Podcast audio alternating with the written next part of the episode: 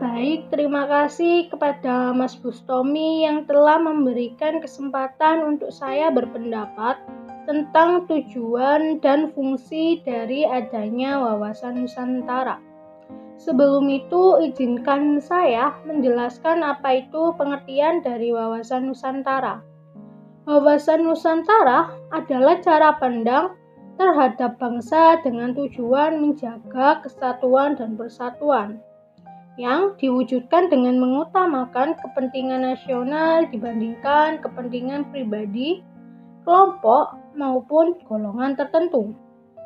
Fungsi dari wawasan Nusantara sendiri digunakan sebagai pedoman motivasi, dorongan, dan rambu-rambu dalam menentukan kebijaksanaan, keputusan, tindakan dalam penyelenggaraan negara baik di tingkat daerah maupun pusat.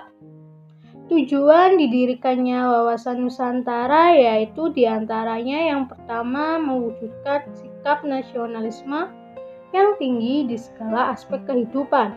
Kedua, selalu mengutamakan kepentingan nasional daripada kepentingan individu, kelompok, golongan, suku, maupun daerah. Dan yang terakhir yaitu meningkatkan rasa dan semangat kebangsaan dalam jiwa bangsa Indonesia. Sekian, terima kasih.